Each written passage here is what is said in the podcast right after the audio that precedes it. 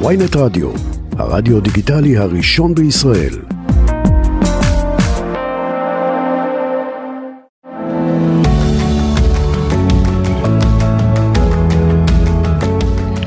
שלום לכולם, ברוכים הבאים לעוד תוכנית של אספת הורים, תוכנית ההורות שלנו כאן בוויינט רדיו. העורכת היא ליאת מלכה, טכנאי השידור הוא סתיו בצלאלי, שלום לכם ותודה רבה. ואני אגר כוכבי, והיום אנחנו עומדים, עומדים לדבר על אחד המושגים הכי מוכרים בהורות אה, לכאורה, מושג שגם מעורר הרבה מאוד ויכוחים וביקורת, ובכלל משתמשים בו המון המון, והוא סמכות הורית, סמכות הורית. אה, אז חשבנו שכדאי לנו לדבר על הדבר הזה, אה, לעשות קצת סדר, מה זו בכלל סמכות הורית, האם היא קשורה לגבולות, לעקרונות, לכוח, איך היא משתלבת עם הרצון שלנו לגדל ילדים עצמאיים ובכלל איך בונים אותה, את הסמכות ההורית. אז העורך שלי היום שנמצא כבר אה, פה באולפן וידבר איתנו על כל זה, הוא פסיכולוג קליני והוא גם מנהל המרפאה לסמכות הורית במרכז שניידר לרפואת ילדים. שלום לך עידן עמיאל. אהלן. תודה רבה שבאת. תודה על הכבוד להתארח. עידן, תראה. מכל עבר מדברים איתנו על המושג הזה, כן? יש פסיכולוגים שמדברים על החשיבות בצורך, כן? בסמכות הורית. יש מדריכי הורים שככה זועקים שהסמכות ההורית נשחקה ו- ולא קיימת בכלל. אז אולי רגע נעשה סדר וננסה להבין, כאילו, גם מבחינת ההגדרה, גם היסטורית, מה זו סמכות הורית?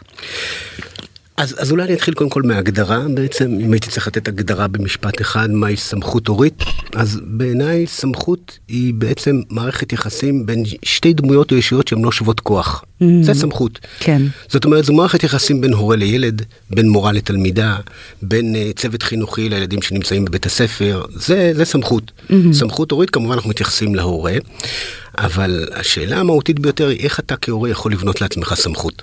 כן. אנחנו עסקנו בנושא הזה לא מעט. אם כן. אנחנו מדברים על היסטוריה, התחלנו בסביבות שנת 95-96, יחד עם פרופסור חיים עומר, כשהתחלנו לדבר על מושג הסמכות. אני, אני זוכר את החוויות שלי בהתחלת הדרך, כשהיינו מדברים על סמכות, והיו שני סוגים של תגובות. תגובה אחת שהייתה משהו בסגנון הזה של אל תבלבלו לנו את המוח, לא צריכים סמכות, מה זה סמכות, ילדים צריכים הבנה, הכלה, אמפתיה. כן. זאת הייתה התגובה החיובית. התגובה היותר קשה הייתה אתם צודקים צריך סמכות צריך להציב גבולות צריך להראות להם מה זה צריך זה זה היה החוויה השנייה שהייתה עוד יותר קשה כן. ואני חושב בדיוק כמו שאמרת שהמון המון בלבול כן. סביב המושג הזה. כן, נכון. אז אם אני אחזור רגע להתחלה אם אני כן. אחזור ל- ל- למקור של מערכת יחסים בין שתי דמויות או ישויות שאינן שוות כוח אז קודם כל אנחנו מדברים על מערכת יחסים. כן. ואולי קודם כל נגיד כמה מילים על מערכת היחסים המדהימה הזו של הורה ילד. בטח. שהיא, אני, יש לי את העונג לעסוק במערכות האלה, כי אני חושב שהיא מערכת רגשית הכי מורכבת שיש. Mm, כן, כן, ולשם כך התכנסנו כאן, אתה יודע, כן, זו כן. מהות התוכנית, לגמרי. ואולי אני אגיד ככה כמה מילים על, על, על איך אני רואה את המערכת יחסים הזו בבסיס שלה, יש בה המון המון רגשות, אבל יש שתי רגשות, שני רגשות מרכזיים שבעיניי מאוד מהותיים. כן. הראשון זה פחד, השני זה אהבה. וואו, טוב, אהבה ממש ברור לי, בוא תסביר את הפחד. לך- שגם פחד ברור לי. לא, כן, אני, אני, אני רוצה, רגע את שנייה- יודעת, אני אספר לך את שניהם, בוא נתחיל מפחד. יאללה. בסדר, אולי נספר לך עליי כהורה. בסדר, אני גם באמת פסיכולוג קליני מומחה לענייני הורים, אבל גם אני נולדתי להיות אבא באיזשהו שלב. כן. ואני לא אשכח את חוויית הלידה. בסדר? אז עוד פעם, שירה זוגתי, זו שילדה, כן? אבל היה ניתוח קיסרי, ואז הגענו, אני זוכר את עצמי בחדר האחיות שמה, עם התינוק, מסתכלת על האחות ואומרת, תשמע, הוא נולד קילו 990, הוא צריך ללכת לפגייה. Mm, כי שני קילו זה כבר לא פגייה, מתחת לשני קילו זה, זה פגייה. כן. ואני אמרתי לה, אני בשום אופן לא מוכן שהבן שלי ילך לפגייה, הוא לא הולך לפגייה, אין מצב, לא ייתכן. כן, שפה- ואני אומר לה, חמישה גרם, תשימי טיטול ויהיה כבר שני קילו, ואני אני רוצה שהוא ירגיש את אימא שלו, אני רוצה שזה...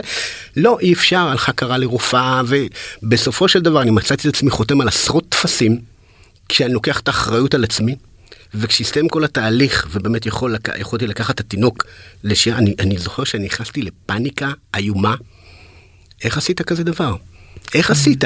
בטח. איך יכולת לקחת אחריות על הילד שלך? אחריות. והמקום שבו, במקום שבו נרגעתי, היה רק ששירה אמרה לי, טוב עשית. חוויית הפחד היא מאוד מכוננת, מאוד משמעותית. כן. ואם נדבר על אהבה, אמא אחת ישבה איתי, זוג הורים שישבו, אומרת לי האמא, תקשיבי דן, מדברים איתי אהבה, אני לא יודעת מה מדברים. חברות שלי לפעמים אני אוהבת אותם, לפעמים פחות, הוא מצביע לי על בעלה, פעם אהבתי אותו, היום אני לא ממש בטוחה, אבל כשמדובר על אהבה לילד שלי, אף אחד לא צריך להסביר לי, אני יודעת טוב מאוד מה זה, בדיוק כמו שאמרת בהתחלה, אני יודעת מה זו אהבה. כן. אהבה לילד זה עולם אחר, זה שם. כן. אז אלה הרגשות. מהמם, אתה אומר שזה המנעד בעצם, אנחנו איפשהו ככה רוקדים בין, בין פחד לאהבה. אני רוצה לשאול, אמרת שסמכות בעצם עוסקת במערכת יחסים, היא יכולה להיות גם בעבודה, היא יכולה להיות גם, לא יודעת, בכל מיני מקומות. אה, אני מכירה לא מעט אנשים שהעידו על עצמם שבעבודה הם אריות, כן? ובבית הם, אה, נכון. הם אה, גורים קטנטנים. אז כמו שאתה אומר, יש גם הבדל בין סמכות בקריירה, במקצוע, בפקולטה, לבין סמכות בבית. אז איך סמכות בבית נראית? איך היא מרגישה? אוקיי, אז, אז אולי נתחיל קצת הפוך, מאיך היא לא נראית. בסדר? במובן הזה של איך היא לא נראית, היא לא נראית כמו הסמכות של פעם. כי במובנים מסוימים אנחנו לא רוצים להיות אותה סמכות שהייתה פעם. ולי יש תחושה אגב ש- שאומרים לנו הסמכות ההורית נשחקה ולהורים אין סמכות, בעצם מתייחסים באמת לאותה סמכות של פעם, שנותנים הוראות, לא שואלים שאלות, לא מרגישים איזשהו צורך להסביר, פשוט יורים, כן. יורים ומשתמשים בנשק חם כמו למשל גבולות, הורים לא יודעים להציב גבולות, הורים לא מציבים גבולות ואני חושב שזה אחד הביטויים השגויים ביותר בעיניי במערכת יחסי הורה ילד, אני לא מבין מה זה גבול לילד. אבל רגע, גבולות זה בכלל נושא גדול ומרתק בפני אוקיי. עצמו, אני קצת קטעתי אותך, שאלתי וקטעתי, אז אה, בוא נדבר על איך סמכות, איך, איך סמכות לא נראית ולא מרגישה. איך היא לא נראית? היא לא נראית כמשהו כוחני. אנחנו, אמרתי, זה מערכת יחסים בין שתי דמויות שאינן שוות כוח. אנחנו, זה בלתי נסבל בעינינו שדמות סמכות תהיה כוחנית כלפי מי שנמצא שם. כן. ולכן אנחנו צריכים לבנות את הסמכות בצורה אחרת. אם אני צריך להגיד במילה אחת, נוכחות. איך אתה יכול להיות נוכח בתוך החיים של הילד שלך באופן שהוא קודם כל גמיש. הוא קודם כל גמיש, גמיש במובן הזה שלפעמים אני צריך להיות יותר קרוב ולפעמים אני צריך להיות יותר רחוק. מתי אני יותר קרוב, מתי אני יותר רחוק, נורא תלוי בכל מיני גורמים. נתחיל מהגורם של גיל הילד. כשהוא גדל אני מתרחק, כשהוא קטן יותר אני קרוב. כן. נתחיל מרמת סיכון של ילד. כשיש לי ילד שבסך הכל הדברים בסדר, אני יכול להתרחק. אבל כשדברים משתבשים, בואו נתקרב. זאת אומרת, איך אני קובע את המרחק המתאים מהילד, היא שאלה הרבה יותר מהותית מ... אני חייבת להגיד שזו שאלה מאוד מאוד מעניינת והיא גם פותחת ככה אפיק מחשבתי מאוד מאוד מעניין כי אתה יודע בדרך כלל התיאוריות אה, ככה מאוד מדויקות והתיאוריות אומרות לנו להיות קרובים ולהיות נוכחים ואתה יודע יש את המושג של הורי הליקופטר וכן הלאה ואתה אומר לא יש כאן עניין אישי נקודתי פרסונלי שצריך לדעת מתי להיות ומתי להיות אבל גם קצת יותר מרחוק זו הבחנה יפה. כן, אני, אני, אני רוצה לקחת את זה עוד צעד אחד קדימה. אני חושב שבאמת הטרגדיה הגדולה של דור ההורים הנוכחי הוא שלא היה דור הורים שהשקיע כל כך הרבה בילדים שלו, ועדיין מואשם בזה, בזה שהם עדיין לא good enough parents או משהו כן. כזה. מומחים הרבה פעמים מנצלים את הסמכות שלהם כדי לייצר איזשהו תהליך אברסיבי כלפי ההורים, חייב להודות. אנחנו עושים בשניידר גם הכשרות למטפלים. בתוך ההכשרות שאנחנו מלמדים מטפלים איך לבנות סמכות חדשה, ככה אנחנו מגדירים את זה כסמכות חדשה. אחד הדברים שאנחנו מלמדים הוא קודם כל, בואו נהיה אמפתיים. בואו נהיה אמפתיים למצוקה של ההורה, לקושי של ההורה, למקום הזה. אנחנו חיים בתוך תרבות מערבית, שהיא תרבות עוינת סמכות. היא עוינת סמכות, אנחנו בכל מקום שאנחנו רואים סמכות, זה קודם כל היא כמובן כוחנית, ואז בואו נראה איך אפשר לנטרל אותה. כן. לא, סמכות נוכחת זה סוג של סמכות אחרת, שאנחנו חייבים אותה. מערכת יחסי הורה ילד מתחילה מסמכות, כיוון שההורה והילד, אני מצטער, לא באותו גובה. כן. זה שהם לא באותו גובה, זה לא אומר שאני אנצל את הגובה שלי כדי להכפיף את הילד למה שאני רוצה. כן.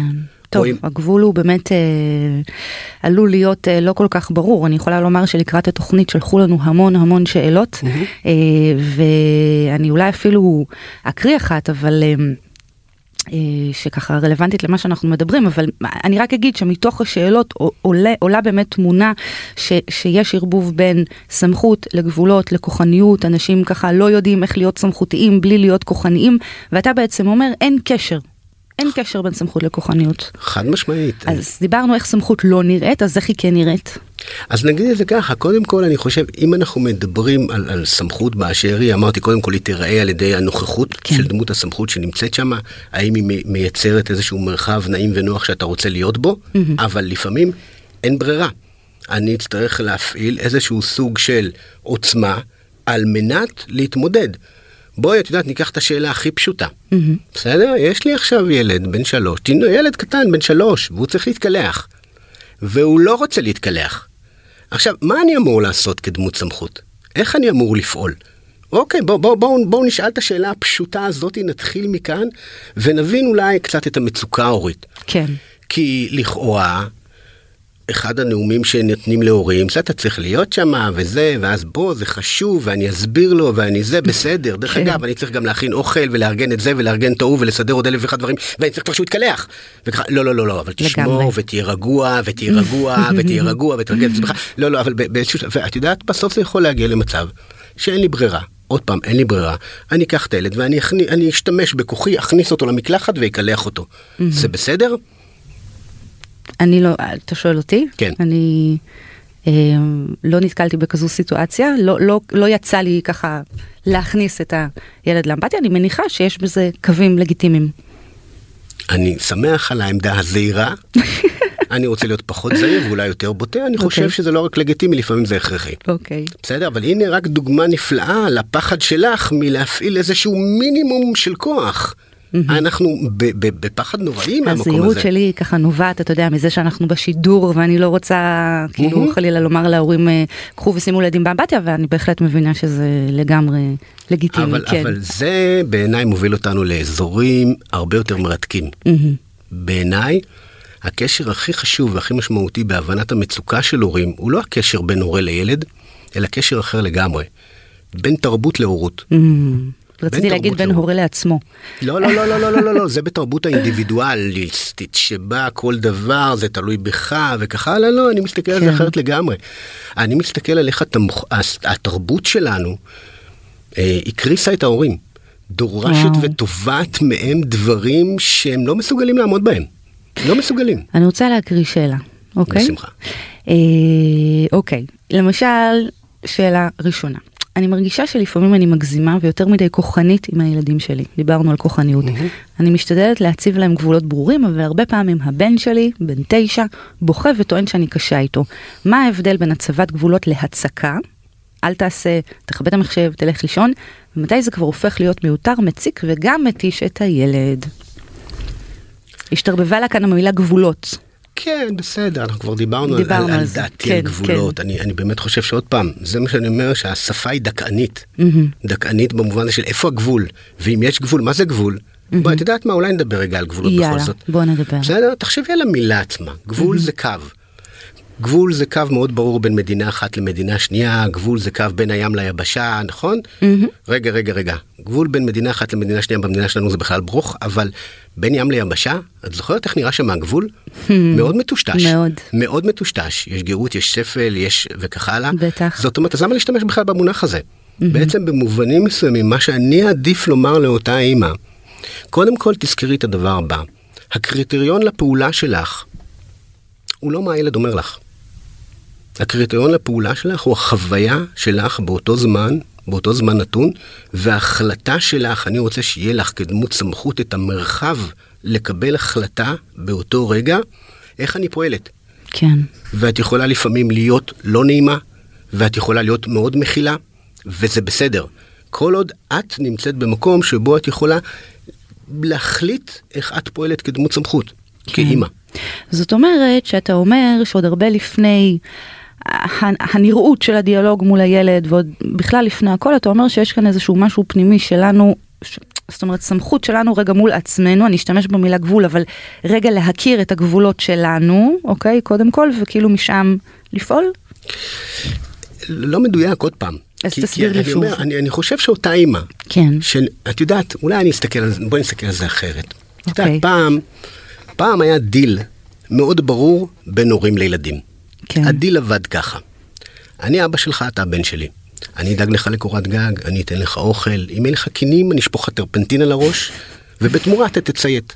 כן. אתה תציית לי ולמורים שלך, וכשתגדל, אתה תהיה הפנסיה של אימא ושלי. ככה גדלו אלפי שנות היסטוריה ילדים. זה היה כן. דורות על דורות. דורות על דורות. דורות על דורות. מה שקרה לפני סדר גודל של 100 שנה, זה שהכניסו מושג חדש, שנקרא הדימוי העצמי והצרכים של הילד. בסדר? אבל אז בואי. בכלל, אני... אמנת זכויות הילד וכל מה שנכנס לנו. בסדר, לא, אמנת זכויות הילד אני מאוד בעד, דרך אגב, שיהיה ברור, אני גם, שלא, שלא נתבלבל פה. אני באמת חושב שהילד צריך להיות במרכז. כן. אין לי שום אה, שאיפה שהילד לא יהיה במרכז, אני חושב כן, שהילד כן. זה העתיד שלנו, האהבה שלנו היא שם, ברור. הילד חייב להיות במרכז, אלא מה? בואי נעזוב רגע את הילד, נסתכל מה אנחנו דורשים מההורה עכשיו. עכשיו אני כהורה אמור לדאוג לא רק לאוכל לילד, לא רק לבית שלו, אני גם אמור לדאוג לצרכים הרגשיים שלו, לדימוי העצמי שלו. נכון. זאת אומרת, נוסף לי איזשהו תפקיד. וואו, של- לדימוי העצמי, לערך העצמי, לאושר, ל-well-being, ל... שיהיה, אתה יודע, סבבה בלימודים, שיהיו לו חברים. ואת זה אני לא יודע לעשות. כשאני מנכ"ל של חברה, אני לא אמור לדאוג לדימוי העצמי של העובד שלי. אני אמור ל- ל- לדרוש ממנו את העבודה, כמובן להחמיא לו מדי פעם, נקודה. ולכן אני יכול להיות מנכ"ל בכיר בחברה, להיות מנכ"ל מצוין וגם מכיל כלפי העובדים שלי, אבל כשזה מגיע לילד שלי, אני צריך לדאוג עכשיו לדימוי העצמי שלו. כן. עכשיו, מי יגיד לי איך נכון לבנות את הדימוי העצמי של הילד? אולי דן עמיאל, פסיכולוג קליני, מנהל המרפאה לסמכות הורית במרכז שניידר לרפואת ילדים בארצ... בארץ ובעולם סביב בעיות התנהגות וכדומה, אולי הוא... לא. לא, לא, באמת לא.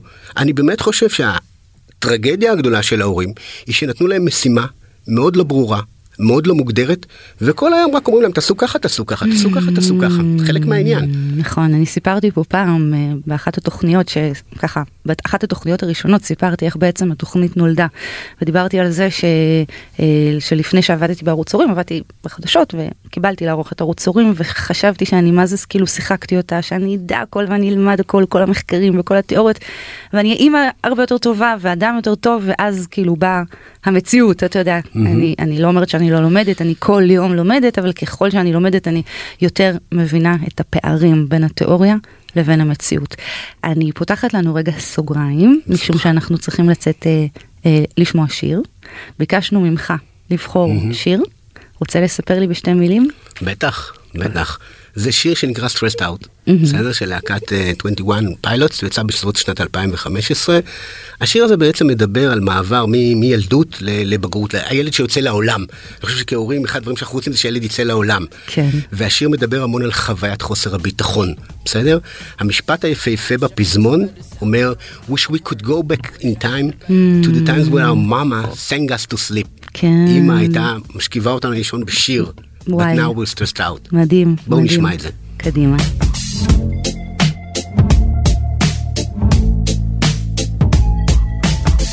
Wish I found some better sounds no one's ever heard.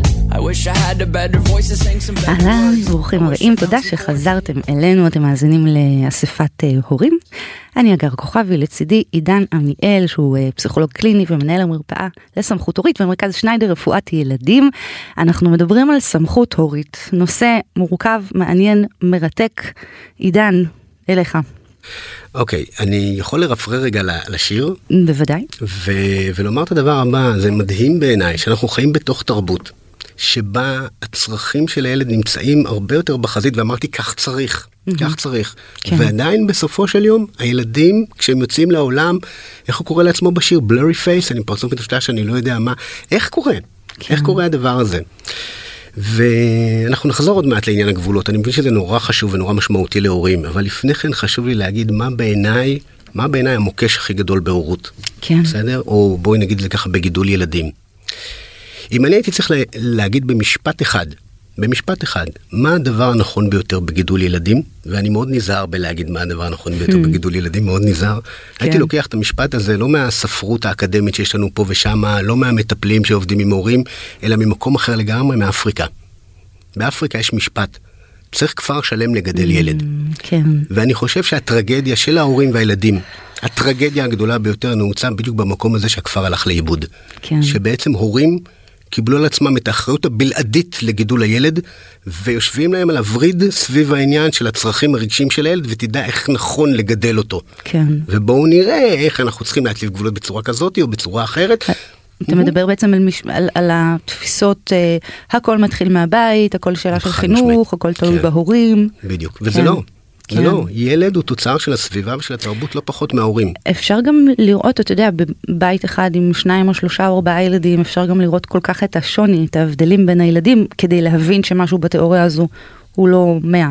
חד משמעית, חד משמעית, ואני חושב שאחד הדברים שנורא קשים להורים הרבה פעמים בעיניי, עוד יותר קשה מלהציב גבולות או לא להציב גבולות, זה היכולת לשחרר ולדאוג לזה שיהיו עוד אנשים שידאגו לילד, שיטפלו בו, לפעמים בצורה טובה ולפעמים גם בצורה לא כל כך טובה. אתה מדבר על מורים למשל, מערכת החינוך, על סבא סבתא. בואי אני אספר לך קוריוז קטן מההוויה המקצועית שלי. אני הייתי לפני כמה שנים בסדנה של פרופסור פיטר פונוגי, פיטר פונוגי הוא פסיכולוג קליני, מנהל את אה, מרכז אנה פרויד בלונדון.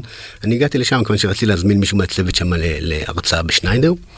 אה, והוא דיבר, הוא קידם מאוד את כל המודל של attachment זה נקרא, attachment זה הקשר בין ההורה לבין הילד, והיום הוא מתעסק המון במנטליזציה, לא חשוב. בפתיחה של דבריו הוא אמר, אתם יודעים, כשאנחנו דיברנו על תיאוריית ה-attachment, אנחנו תמיד אמרנו לאימא, תקשיבי, תחזיקי את התינוק שלך, ככה שהוא יראה את הפנים שלך, כי כשהוא קורא את הפנים שלך, הוא נהיה בקשר וזה, טעינו, טעינו, הוא אומר. וואלה. אני היום אומר לאמא, תקשיבי, תחזיקי את התינוק שלך עם הפנים החוצה, ושיראה את העולם. בידיים שלך הוא צריך לראות את העולם. וואו. זה שם. וואו, זה חזק. בוודאי, מאוד. ועוד לשמוע דבר כזה מפרופסור פיטר פונוגי, פסיכולוג מספר אחד בעולם כיום, אבל וואו. במובן אחר, אני זוכר שישבתי איתו ככה בהפסקה, ואז אמרתי, אתה יודע, פיטר, יש לנו באמת, אחד המודלים, שאנחנו, אחד הטכניקות שאנחנו יושבים בהם, אני קורא לזה bring the village to the clinic. אנחנו מזמינים, הורים נמצאים בפגישה, ואנחנו מזמינים את הדודה, את הסבתא, את השכנים, את החברים של ההורים, כי אנחנו צריך כפר שלם לגדל ילד, אז אנחנו עושים את זה בתוך הקליניקה. כן. ואז הוא מסתכל עליי ואומר לי, עידן, don't call it village, call it a community please. וואו, יפה לא- מאוד. זה נפלא, ממש. ואני חייב לומר, אני פחות אוהב את הביטוי community מווילג', אני אגיד למה. כי בווילג', בכפר, יש כל מיני אנשים, לפעמים יותר טובים ולפעמים פחות טובים, ואני רוצה שהילד שלי ייחשף גם לאנשים פחות נחמדים, אני רוצה שכן הוא יפגוש את הדוד שיכול לאיים עליו, אתה אתה תדבר ככה, וכן את הסבתא שתלטף לו את הראש ותיתן לו ממתקים, אבל אנחנו לא משחררים. למה אנחנו לא משחררים? כי האחריות היא תמיד עלינו, אנחנו ההורים, כן. אנחנו אמורים לטפל בילד, ואיך נכון לטפל בילד. בואו הנה שהמומחה יגיד לי איך נכון להציב גבולות, איך נכון לטפל בילד, אבל הלו, אמא, אבא, תעשו טובה, בואו ניתן לעוד אנשים להיות מעורבים בגידול הילד, זה יאפשר להם לא להפוך בסופו של דבר ולהיות blurry face, כן. אלא להיות ילד שבטוח מול העולם. היית אומר שסמכות היא גם אמון? זה, אני, אני, אני אגיד את זה ככה, סמכות בעיניי קודם כל מתחילה מאיזשהו ביטחון שלך ביכולת שלך להיות נוכח. כן. ואנחנו גרמנו להורים לאבד את הביטחון. נתחיל משם, בסדר? כן. אני, אני באמת חוזר לאותה נקודה שוב ושוב, למקום הזה של חוסר הביטחון ההורי באיך נכון לעשות ומה נכון, אבל אני כאילו מסרב להיכנס לאותו דו שיח אינסופי של מה נכון ומה לא נכון, ולעשות ככה או לעשות ככה ואיך אני בדיוק בונה סמכות. בואי נתחיל מקודם כל ההכרה שלך בזה שאת יכולה לשחרר חלק מהאחריות שלך.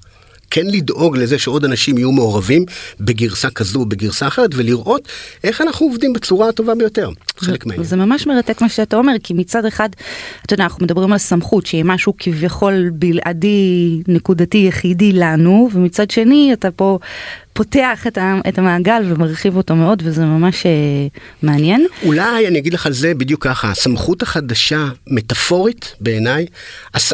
בניגוד לסמכות של פעם, הסמכות של פעם הייתה בנויה כמו פירמידה. דמות הסמכות יושבת למעלה ונותנת הוראות. אבא נמצא שם, אומר לך מילה ואת תצייתי לו, תצייתי, זה היה העניין של סמכות. כן. הסמכות החדשה היא סמכות של רשת. אני צריך לבנות רשת, רשת ביטחון לעצמי, לילדים שלי, וככל שיש יותר נקודות ברשת, ככה הסמכות שלי גדלה. אז אם את רוצה הגדרה לסמכות זה שם. זה, אני צריכה לחשוב על זה, לעבד את זה, זה, זה חדש, זה מפתיע, זה, זה מרתק, ממש. תודה. אה, בוא נכניס לדיון את נושא העצמאות. כן, גם אה, אגב שאלות פנו אלינו המון הורים ושאלו אה, איך סמכות הורית מתיישבת עם הרצון לגדל ילדים עצמאיים, למשל. איך אתה רואה את זה? בואי נחזור רגע, האם סמכות משמעה גבולות, ואנחנו מבטלים את המילה גבולות, mm-hmm. ומשתמשים בנוכחות וקביעת המרחק המתאים מהילד, בסדר? אז מה שאני מעוניין זה ליצור מצב שבו הילד יהיה בטוח מספיק כדי לצאת החוצה ולפעול שם בחוץ, ואני יכול לפעמים להתרחק ולפעמים להתקרב. לפעמים התנועה הזאת היא התנועה שבאמת עושה את ההבדל ביכולת של הילד להתמודד שם מול העולם. ולפעמים אני כן צריך לדעת איך להתרחק ואיך לא להיות שם כל הזמן. כן. זה חלק מהעניין. אתה מדבר גם בעצם על, על מושג הנפרדות שככה מדברים עליו, או פשוט אינטואיציה, אתה יודע, טקט כאילו אז- אז- בסיסי, בוודאי של לתת שכשאנחנו... גם את החופש. בדיוק, אז בואי נגיד את זה ככה, כשאני מסתכל בפריזמה הצרה, הורה ילד, אני אדבר על נפרדות. כשאני מסתכל במה שאני נורא מנסה לעשות כאן, ואני שומע גם, את אומרת, זה חדשני, אני לא מבין, רגע, רגע, אני צריכה את זה. כשאני מסתכל על זה בפריזמה, בזום אאוט, שבו אני אומר, לא, אני לא רוצה אותך, את והילד. אני רוצה עוד אנשים שיהיו שם, התפקיד שלך הוא לתווך ולהיות שם, זה כבר לא העניין של נפרדות. זה כבר העניין שאני כאימא צריכה לראות איך אני דואגת לזה שיהיו עוד אנשים ועוד גורמים שיהיו מעורבים בילד. ואנחנו חיים בתרבות מאוד בודדה, מאוד אינדיבידואליסטית, מה שהוביל את הילדים להיות אותו בלרי פייס בתוך השיר. כן. אז האחריות שלנו והתפקיד שלנו לא לשאול איך אני יכולה עכשיו לפעול עם הילד אחרת בסמכות, אלא איך אני יכולה לה- להוביל למקום שבו יהיו עוד אנשים שיגעו בו, יהיו שם. כן. בסדר? בכל מיני רמות וצורות. כן, אני מבינה. אה, בוא נדבר קצת על המרפאה שאתה מנהל, זה פשוט... אה, כן, אני קצת מוציאה אותנו מהדיון, אבל זה פשוט נורא מעניין, מה עושים במרפאה לסמכות הורית?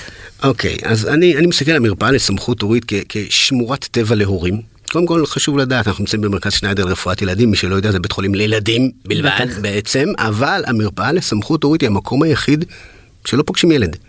אנחנו לא פוגשים אף פעם את הילד. המטרה שלנו היא באמת להושיט יד להורים, לנסות לראות איך אפשר לעזור להם מהמקום שלהם, קודם כל כבני אדם, ואחר כך לבנות להם איזשהו סוג של נוכחות בחיי הילדים. בסדר? עוד פעם, לא, לא, לא אמרתי את המילה סמכות.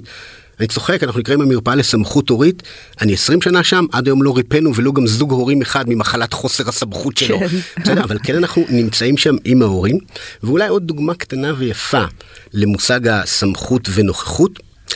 העבודה שלנו במרפאה זה לא עבודה סטנדרטית במובן שיושב פסיכולוג עם ההורים, אלא יושב פסיכולוג ותומך טיפול. יש לנו סטודנטים שעוברים הכשרה מיוחדת בהתאם למודל הסמכות החדשה. ההורים נכנסים, פוגשים צוות טיפולי שיושב מולם. דמייני עכשיו סיטואציה שאת יושבת מול פסיכולוגית שנראית אה, לעניין וככה לה ועוד איזה סטודנט צעיר שיושב שם. אל מי תדברי? כמובן אל הפסיכולוגית. בסדר? עכשיו, סמכות הידע. התומך בעצם נמצא שם בחדר, בפגישות, אבל פעמיים בשבוע ההורים נמצאים איתו בקשר. כי אנחנו ככה מעצימים גם את הסמכות שלנו. אחרי שלושה ארבעה מפגשים, בדרך כלל ההורים מסתכלים ישר אל הסטודנט. למה? כי הוא הרבה יותר נוכח. כן. אז אין לו את הסמכות המקצועית, אין לו את זה, אבל הוא פשוט יותר נוכח. דוגמה דוגמה יפה, יפהפייה. בעיניי במקום הזה של אתה בונה סמכות על זה שאתה נוכח שם, אבל במינונים שכן יאפשרו, אם אנחנו חוזרים חזרה לילד, שכן יאפשרו לו לגדול, לצמוח ולבוא במגע עם עוד. אני מבינה. בסדר גמור. אמ, אז אני מקריאה עוד שאלה. בסדר? אוקיי. אה, שאלה מאבא, אני תמיד אוהבת שאלות מאבות, הוא כותב כך: אשתי לא ברורה מספיק בדרישות שלה עם הילדה הקטנה שלנו, בת ארבע. גם כשהיא מנסה לכעוס עליה זה נשמע שהיא רק מבקשת, במרכאות, להתנהג ממנה יפה. אם היא מרביצה, הילדה, אז היא אומרת לה משפטים כמו חמודה, ביקשתי לא להרביץ, או מתוקה, אצלנו בבית אין אלימות. כאילו יש הבדל בין האינטונציה בקול לבין הכוונה, מסרים לא ברורים כלפי הילדה. כשאני מעיר לה על זה שהיא אומרת שקשה לה לכעוס על הילדה, איך בכל זאת היא יכולה לחזק את הסמכות ההורית. אז אם יש משהו שאני למדתי מהשיחה עד כה, אוקיי? go for it. אה, סמכות היא לא כעס, סמכות היא לא כוחניות, סמכות היא לא גבולות. אם את כועסת על הילדה זה לא אומר שאת מפעילה עליה כרגע סמכות. חד משמעית לא. חד משמעית, אני איתך בחלק של אימא, אוקיי, אני רוצה לדבר לאבא. בבקשה, אני יכול לדבר רגע על אבות? רצוי. אני, אני אגיד משהו, אחד הדברים שאנחנו רואים זה שאבות היום הרבה הרבה יותר מעורבים ממה שהיה אי פעם בעבר בחינוך וגידול הילדים שלהם, מה שיוצר הרבה פעמים בעיה. למה זה יוצר בעיה? כי מה קורה? עכשיו יושבים לי זוג הורים, יש לי את אימא ויש לי את אבא, שניהם מעורבים בחינוך וגידול הילד, אבל כל אחד, גוואלד, יש לו דעה אחרת. ואז אנחנו מתחילים, צריכים להיות אחידות, צריכים להיות זה, זה, זה קשקוש אחד גדול. אחידות זה גרוע כמעט כמו גבולות. פתחת פה נושא, תכף אני אומר משהו, כן, אוקיי. קודם כל, טיפ קטן, אם אני חוזר רגע להיות קונקרטי, טיפ קטן לאבא, תקשיב יקירי. בוא אל תחשוב מה זוגתך עושה טוב או לא טוב, בוא תחשוב איך אתה כדמות סמכות יכול לפעול. בסדר? זה חלק מהעניין. אני רוצה להגיד עוד משהו שירגיע טיפה, זה בסדר שאימא רכה ועדינה ולא מתייחסת בצורה כזאת, וזה בסדר גם כשאתה לפעמים נובח, לא קרה שום דבר, בסדר? ותזכרו שילדים לא צריכים כל הזמן לראות את שני ההורים אותו דבר. יש שונות, לשונות יש ערך אדיר. כל הזמן מדברים עם הורים על אחידות, אנחנו מדברים דווקא על שונות, יש לה ערך. אבל אבא, אתה רוצה לשנות, אתה רוצה לעזור, בוא תראה איך אתה יכול לתמוך בזוגתך. בוא בנקודה הזאת, אם קורה עכשיו, יש איזו אינטראקציה בעייתית בין הילדה לבין אימא שלה, בוא נראה איך אתה מתערב. והפוך, היית אומר אותו דבר לאמהות? חד משמעית. אוקיי. זאת אומרת, אין. כאן עניין מגדרי חלילה. לא, לא, פשוט, לא, אה, ממש מי לא. מעורב בסיטואציה באותו רגע. להפך, להפך. כן. בואי נגיד את זה ככה, אבא עכשיו בסיטואציה עם הבן שלו ויש איזו אינטראקציה, מה אמא עושה? האינטראקציה יכולה להיות גם מאוד שלילית. אבא עכשיו מתחיל לנבוח עליו, לפעמים זה יכול לקרות. אחד הדברים שאני הייתי ממליץ לאמא לעשות, זה להגיד למה, בוא, אתה צריך עזרה? אתה רוצה שאני אהיה פה עכשיו? בוא, בוא, אה, תשימי לב, זה לא אל תצעק על הילדה, אלא בוא, אבא, אתה צריך עזרה, זה, זה הבדל של שמיים וארץ. ממש, ממש. איך אנחנו נותנים תמיכה, ממש. זה גם סוגיה שצריך ללמוד. אבל בתרבות שלנו לצערי קודם כל מחפשים מי אשם. כן. הנה למה האמא הזאת היא רכה מדי ובגלל זה הילד מתנהג כמו שהוא מתנהג. וואו. עזוב, לא חשוב כרגע מה הסיבה, בוא נראה איך אנחנו פועלים כצוות. אחד הדברים, עוד פעם, שאנחנו מלמדים, במקום גבולות נציב נוכחות, במקום אחידות, בואו נראה אם אפשר לפעול יחד ולגבות אחד את השנייה בכל מיני דרכים. כן. זה סדר, זה סיפור אחר לגמרי. מדהים, באמת. אני מקשיבה ו... ומפנימה. רציתי לומר קודם שאנחנו, אחת התוכניות הבאות שלנו תהיה תוכנית שתעסוק בדיוק בדברים האלו, בהבדלים בין אה, הורים, ל... בין ההורים עצמם. זאת אומרת, מדברים עלינו כאל מקשה אחת, כאילו ברור שאנחנו, אבל זה כל כך לא, כל אחד הוא עולם שלם, עם ילדות משלו, מטענים, רצונות, חלומות, מטרות, אה, וזה מאוד אה, מאוד מאוד מתנגש. מהניסיון שלך בשטח, במרפאה, בכלל, מה אתה חושב שהכי קשה להורים בסוף, ביום יום? אני, אני חושב שהחוויה בסוף היום של לא הייתי בסדר, האשמה. האשמה. אני חושב שבמובן מסוים האשמה ההורית היא אחד ה... אחד, נגיד את זה ככה, אה, אני חושב, את יודעת, אולי, אולי באמת נ, נ, נתחיל מההתחלה, התחלתי ככה ב, ב, בסיפור על הבן שלי שנולד, אבל בואי כן. בוא נדבר רגע על, על, על מה קורה כשאימא נולדת. אוקיי. הרי פעם, פעם כשנולדה אימא, פעם, זה ביטוי מצחיק, מה זה נולדה אימא? נולד תינוק אומרים לא? אבל בתפיסה שלנו, עוד פעם, אני מסתכל מנקודת המבט של ההורה, ברגע שנולד תינוק, נולדה אימא, נולד גם אבא, אולי נדבר אחר כך עוד קצת על אבא, אבל כשנולדה פעם אימא, היה לה מערך תמיכה שלם, עתיר ידע וניסיון, שידע מה לעשות. יותר מזה, לא פעם ולא פעמיים, את הילד שלה, זה לא היה, התינוק שלה לא היה התינוק הראשון שהחזיקה, היא החזיקה לפני כן ילדים אחרים וכדומה, תינוקות אחרים, והיה לה באמת את היכולת, בסדר? ל... היא, היא למדה. היא למדה והייתה סביבה תומכת, בסדר? היום כשנולדת אימא, מי יש שם? מי יש שם כדי לעזור לה? סבא, סבתא, תמצא אותם או בג'ים או בבית אבות, הדודה האחת בניו יורק, השלישי בטבריה, השלישי הרביעי אנחנו לא מכירים בכלל, את השכנה בדלת ממול אנחנו לא מכירים, אימא נשארה מאוד לבד. אין, אה, כפר. אימא נשארה מאוד לבד, ויותר מזה, אנחנו הרבה פעמים אומרים לאימא, תתחברי לאינסטינקטים הטבעיים שלך. מה זה? מי אמר שלאמא יש אינסטינקטים טבעיים? אה, זה כתוב בספרים, אבל אני רוצה להגיד שנולדת אימא, בדרך כלל היא מוצפת, מוצפת הורמונים, אין לה, היא רק רוצה את השקט שלה. לפני כמה ימים הגיעו, נכנסו אלינו זוג הורים לקליניקה בשניידר, ישבו שם, ילד בן 15, גם קצת חרדתי וגם לפעמים התקפי זעם בבית, זו הסיטואציה. ויושבים שם ההורים, אה, מדברים ומתארים קצת הדינמיקה עם הבן שלהם וכדומה, וכהרגלי בקודש, אני שואל אותם, מי עוזר לכם? מי עזר לכם? מי תומך בכם? באיזשהו שלב מסתכלת על האימא, ככה במבט של סימן שאלה כזה, ואמרתי, תשמע, אתה יודע, הוא לפעמים עוזר לי, אבל זה לא... זה...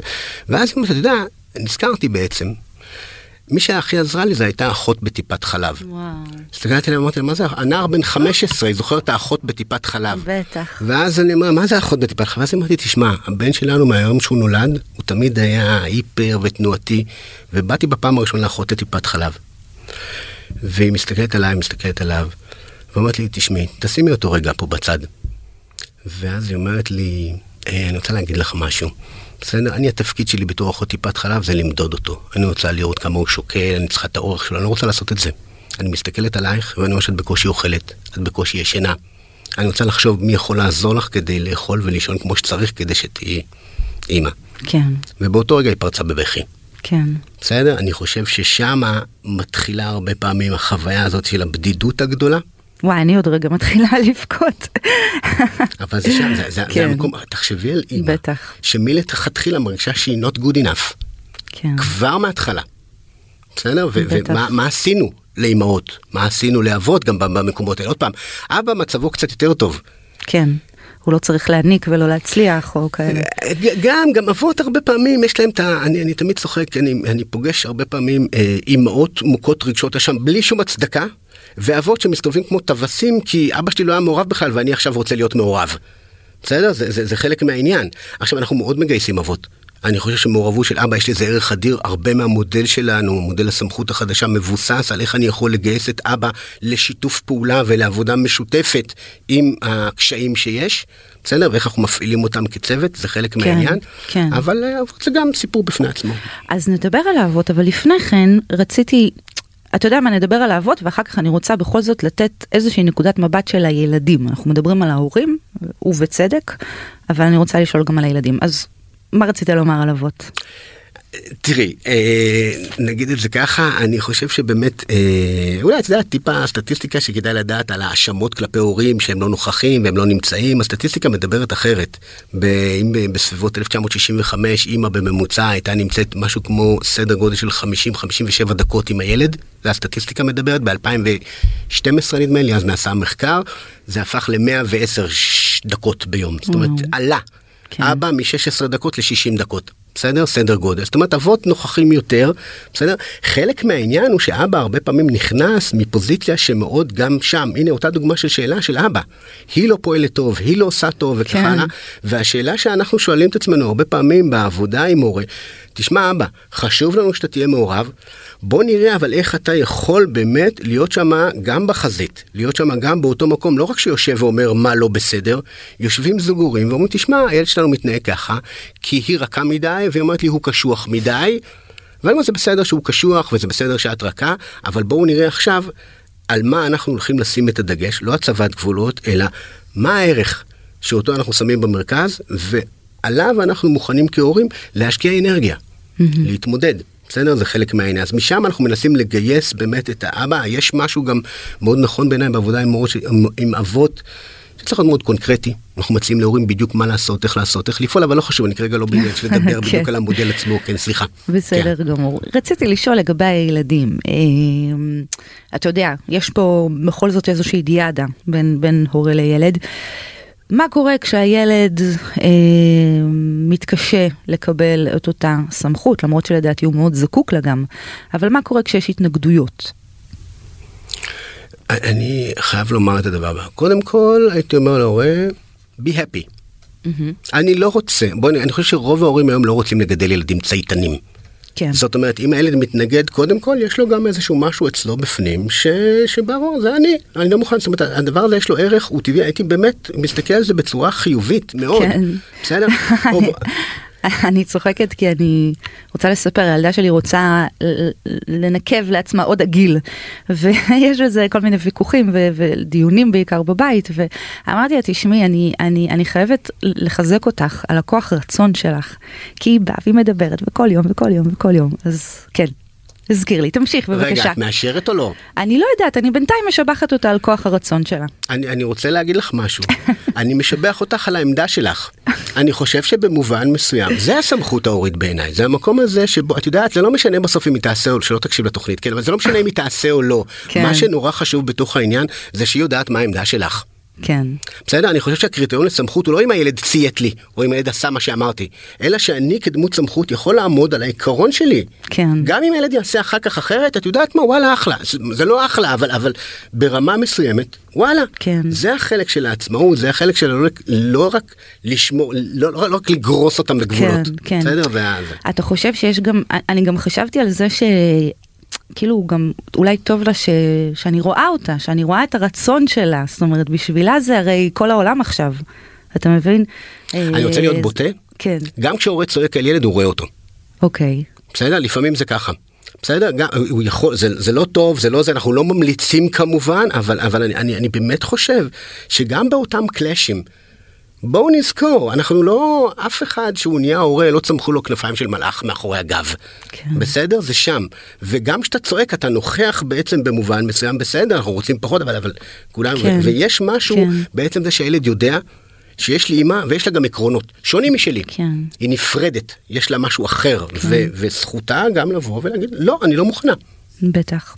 אני מדברת על המקום שאתה לא מיד מבטל, אלא אתה ככה מכיר ב- בערך. אני, אני באמת חושב שאחת כן. הטרגדיות של הילדים היום, זה שמרוב שאנחנו רוצים שיהיה להם טוב, וכל הזמן שואלים אותם מה טוב לך ומה אתה רוצה, וואלכ לא יודע מה, אני, מה טוב לי. Hmm. את יודעת מה, אולי טוב לי לפעמים שאת תגידי לי ככה ואני אגיד אחרת. בטח. למה לא? בטח. אה, מסכימה מאוד. יש לנו פינה קטנה, נשמע אות ונתחיל. מאלף ועד תף, לקסיקון האורות הגדול. מפתיע אותך. כן. אתה לא מכיר, נכון? לא. משהו ממש קטן, וחמוד ולא מזיק. אני אומרת מילה, אה, סליחה, אני אומרת אה, את האלף בית, אני ככה מונה את האותיות בלב בשקט, ואתה אה, תעצור אותי, אוקיי. ונמשיך משם. כמו ארץ עיר. כן, כן, מעולה. א', סטופ. למד. יאללה. עידן, איזו מילה עולה בך באות למד? מה לעשות, למידה זה הדבר הראשון שעולה לי בראש. למידה. כן, כן. כן. אני אגיד נ- לך וידוי קטן? בסדר? זה- רגע, זה אנחנו, זה המשחק, זאת אומרת עכשיו למידה, ואז מה המשחק, פשוט... אסוציאציות אה, כאלה? יאללה, למה לא? בואי אה, נלך על זה. אנחנו פשוט, אה, החברים שלי כאן, החברים הטובים מאוד שלי, אה, מאתגרים את אה, הסמכות שלנו, אה? בדיוק, הם יושבים כאן, ל- בקיצור, אה, העורכת וטכנאי השידור הם אה, ככה כל הזמן עושים הימורים על איזה- לאיזה אות אני אגיע, ואני נורא רוצה להגיע כאילו לאות יותר רחוקה, לשאלה וזה, ולא מצליח לי. אבל אה, לא, בבקשה, למידה. מה? מה, כן, מה זו למידה בשבילך? אסוציאציות חופשיות שלי בעצם בעניין הזה? כן. אז, אז אני, אני, זה, זה פה סיפור אישי. כן. בסדר? זה, אני כן- כן לדעת, אני אמנם פסיכולוג קליני, אבל בעברי אני מהנדס תעשייה וניהול, שעשה הסבה לפסיכולוגיה קלינית. וואו. זה היה זה. והיום אני, אני חייב להודות, אני פחות מטפל, אני יותר מלמד. אני מדריך אנשי מקצוע על המודל ואיך עובדים וכך הלאה, Mm-hmm. ולמידה בעיניי זה אחד הדברים הכי משמעותיים, הכי כיפים, כ- כדמות סמכות ללמד, זה וואו. כאילו, יופי. ל- ל- להציג דברים אחרת, לראות דברים אחרת, זה העניין, וזה גם חלק מגדילה אינסופית הרבה פעמים. זה גם כן. אתה מלמד, גם אתה לומד, זה חלק מהעניין. זה נהדר. אני חייבת לומר שאני מאוד מאוד אוהבת אה, ללמד את הילדות שלי וב, וגם ללמוד מהן. אני עפה על זה כשאני לומדת מהן משהו חדש. אבל יש לי בקשה, כן. אפשר עוד פעם? תתחילי את האותיות? עכשיו אני כבר. יודע את הסוד. אה, וואי, בסדר גמור, אני, אשמח, אני אשמח. כן, אז אני מתחילה עוד פעם. א',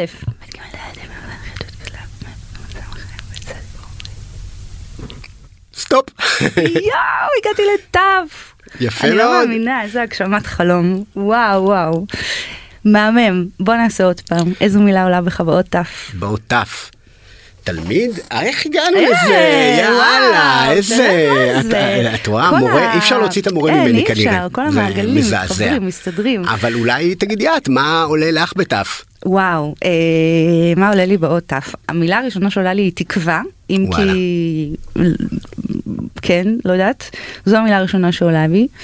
אה, אולי...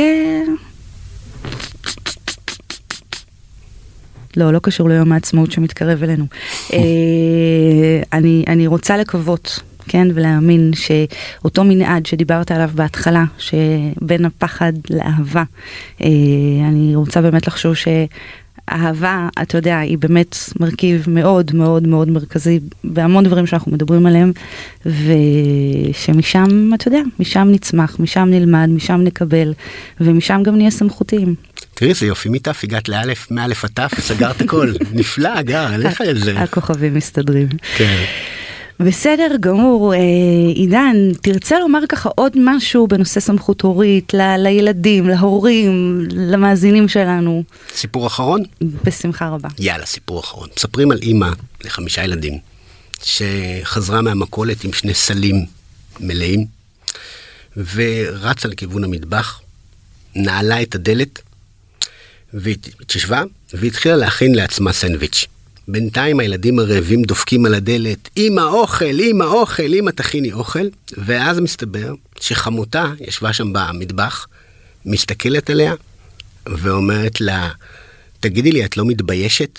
יש לך חמישה ילדים רעבים בחוץ ואת מכינה לעצמך סנדוויץ'? Mm.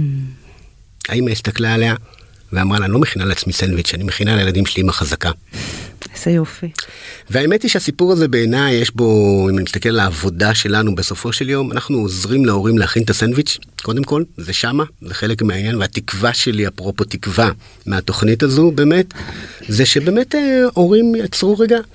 ויחשבו על עצמם, על החוויה שלהם, על המקום שלהם, ויותר מזה שגם החמות תפסיק להושיט את האצבע המאשימה כלפי אימא, ותבין שהיא צריכה תמיכה, אולי תעזור לה להכין סנדוויץ'. מה, היא, היא חלק מהכפר, היא חייבת. חד משמעית. הנה אנחנו כבר מדברים את אותה שפה אגב. התקווה התגשמה.